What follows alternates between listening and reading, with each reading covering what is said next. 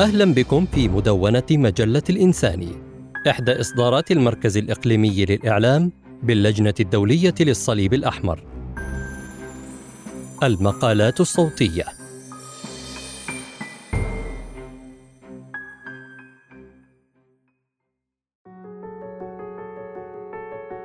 الصحافة وتغطية جرائم العنف الجنسي في الحروب.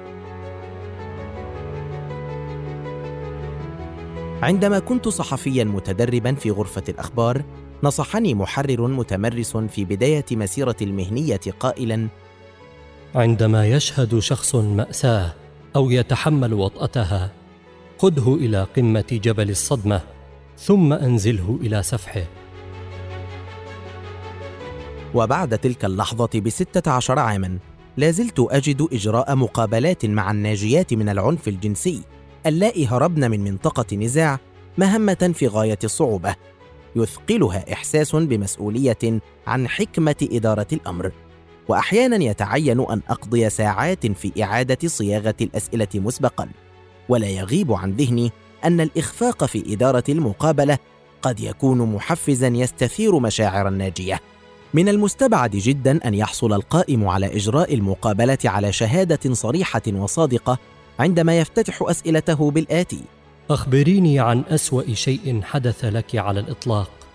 فإجراء مقابلة مع إحدى الناجيات يتطلب نسج رابط متين معها ويكون النهج الأكثر امانا الذي أتبناه في كثير من الأحيان هو طرح الأسئلة بطريقة التسلسل الزمني. يعد إقناع شخص ما برواية قصته بترتيب زمني متسلسل. طريقة بسيطة للتأكد من حصول القائم بالمقابلة على جميع الحقائق والتفاصيل على نحو منهجي. ويساعد هذا النهج أيضا في ضمان عدم دفع الناجية إلى رواية الأحداث الصادمة مرارا وتكرارا بلا إحساس. لكن نهج التسلسل الزمني في إجراء المقابلات يكاد يكون مستحيلا عندما لا يسعك تخمين لحظة انفتاح باب الرعب فعليا بالنسبة للناجية من الاغتصاب التي هربت من الحرب أو إبادة جماعية. مقابلة أنا كان هذا هو الموقف الذي واجهته منذ بضع سنوات. عندما كنت أجري بحثا في واحدة من أزمات اللاجئين الكبرى في التاريخ الحديث. ما زلت أتذكر المشهد الذي وقعت عليه عيناي في مخيم للنازحين داخليا وأنا أقف على قمة تل. بدا المشهد كأنه بحر لا حد له. من أكواخ مصنوعة من القماش المشمع والعصي وأكياس المساعدات الغذائية القديمة.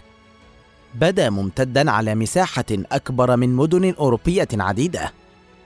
أسمع صوت المطارق وأرى مجموعات هائلة من البشر تعيد بناء حياتها بعد تحملها فظائع يعجز عن وصفها اللسان. فأتفكر في صمود هؤلاء المتضررين وأقدره حق قدره. لكن بمرور الأيام سينفجر هذا التفاؤل كفقاعة ويذهب هباء مع ظهور الموجة الأولى من القصص المأساوية من الناجيات من العنف الجنسي من المخيمات.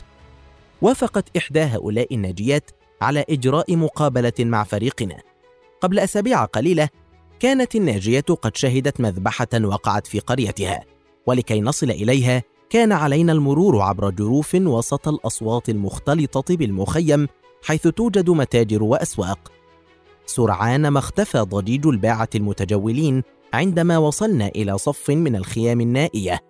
فتحنا أحد الأبواب وكانت تنتظرنا مع أخت زوجها والمكان يلفه الظلام.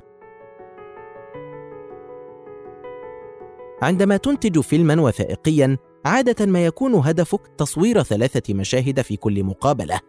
لكن هذه المرأة لنسميها أنا لم ترغب في الخروج. بل لم ترغب في ترك مقعدها من فرط الرجفة التي انتابتها وهي تستعيد الأحداث الصادمة. وبطبيعة الحال احترمنا رغباتها.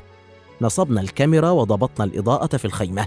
عندما بدأنا المقابلة حاولت كشف النقاب عن قصتها بالترتيب الزمني. غير أن قصة مجتمعها المحلي خلت من النقاط المضيئة التي يفضل البدء بها في الحكاية. فلا أوقات سعيدة يمكن الانطلاق منها. عاش مجتمعها المحلي في ظل القمع والخوف لسنوات. ما بين دقيقة وأخرى في أثناء سرد أنا وأخت زوجها ما حدث. كان صوت عويل إحداهما يعلو. كان هذا الانهيار العاطفي مثل نصال هوت على روحي تمزقها. بعد سؤال تلو سؤال وصلنا ببطء إلى قمة الجبل. لكن بدا لي كما لو أنني أقودهما عبر حقل ألغام أرضية. تحدثت أن ببطء. في الثامنة من صباح يوم أربعاء جاء مسلحون وبدأوا في إطلاق النيران طعنوا رجالنا وذبحوهم. استغرق قتل جميع الرجال إلى ما بعد الظهر ثم أخذوا النساء اللواتي لديهن أطفال. عندما أخذوا الأمهات ألقوا بأطفالهن أرضا وقتلوهم. سألتها عما حدث لطفلها الذي كان عمره ستة عشر شهرا فأجابت أخذونا إلى حقل مفتوح وفي الطريق انتزعوا طفلي من بين يدي وطرحوه أرضا ثم قتلوه. كان الطفل يبكي ويصرخ أمامي مباشرة.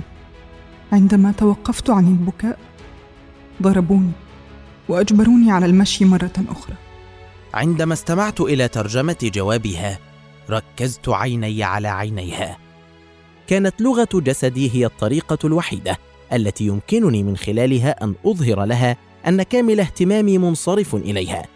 في تلك اللحظة امتلأت مقلتاها بالدموع التي أوشكت على التحرر من جفنيها.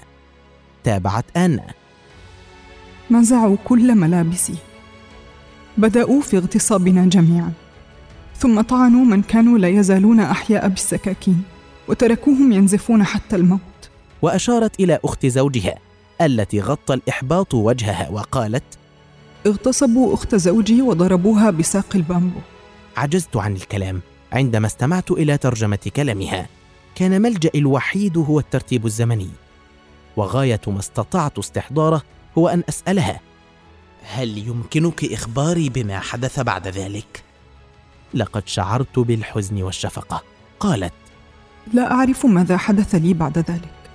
كان رأسي ينزف وكسر فكي. ربما جرها الجنود إلى منزلها بعد تعرضها للاعتداء الجنسي. وأكملت عندما استيقظت كان البيت أحمر بلون النار والباب مغلقا. قالت أن إنها بمحض معجزة تمكنت من الفرار عبر شق في كوخها. وصفت ما حدث بعد ذلك بالتفصيل. عندما احترق منزلنا قلنا لأنفسنا ما دامت عناية الله أنقذتنا فلن نعود إلى تلك الأرض مرة أخرى. فبعد الكثير من التعذيب الذي تعرضنا له لا أستطيع أن أذكر مجرد اسمها. مات جميع أفراد عائلتنا فكيف يمكن أن نعود إليها؟ لقد عانيت كثيرا وكدت أموت. قال الناس إننا لن ننجو لأننا نقلنا عبر الحدود في أكياس وكنا ننزف على طول الطريق. بعدما مرت ثلاث سنوات عندما أنظر إلى الماضي وأتأمل في قصة هذه الناجية أجد أن ما صدمني حقا هو أنه خلال الترتيب الزمني لحياة أنا رويت قصتها المليئة بالخوف والمستعرة بالنار ذلك الجرم الوحشي المتمثل في الاعتداء الجنسي. بنبرة بدت كأنها هامش على شيء أكبر.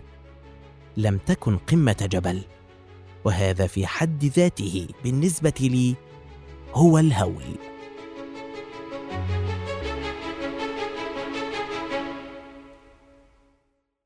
شكرا للمتابعة. للاستماع إلى مزيد من المقالات زوروا الموقع الإلكتروني لمجلة الانساني blogs.icrc.org الإنساني استمعتم إلى هذا المقال بصوت أحمد مجدي ضحى الخولي معتز صقر.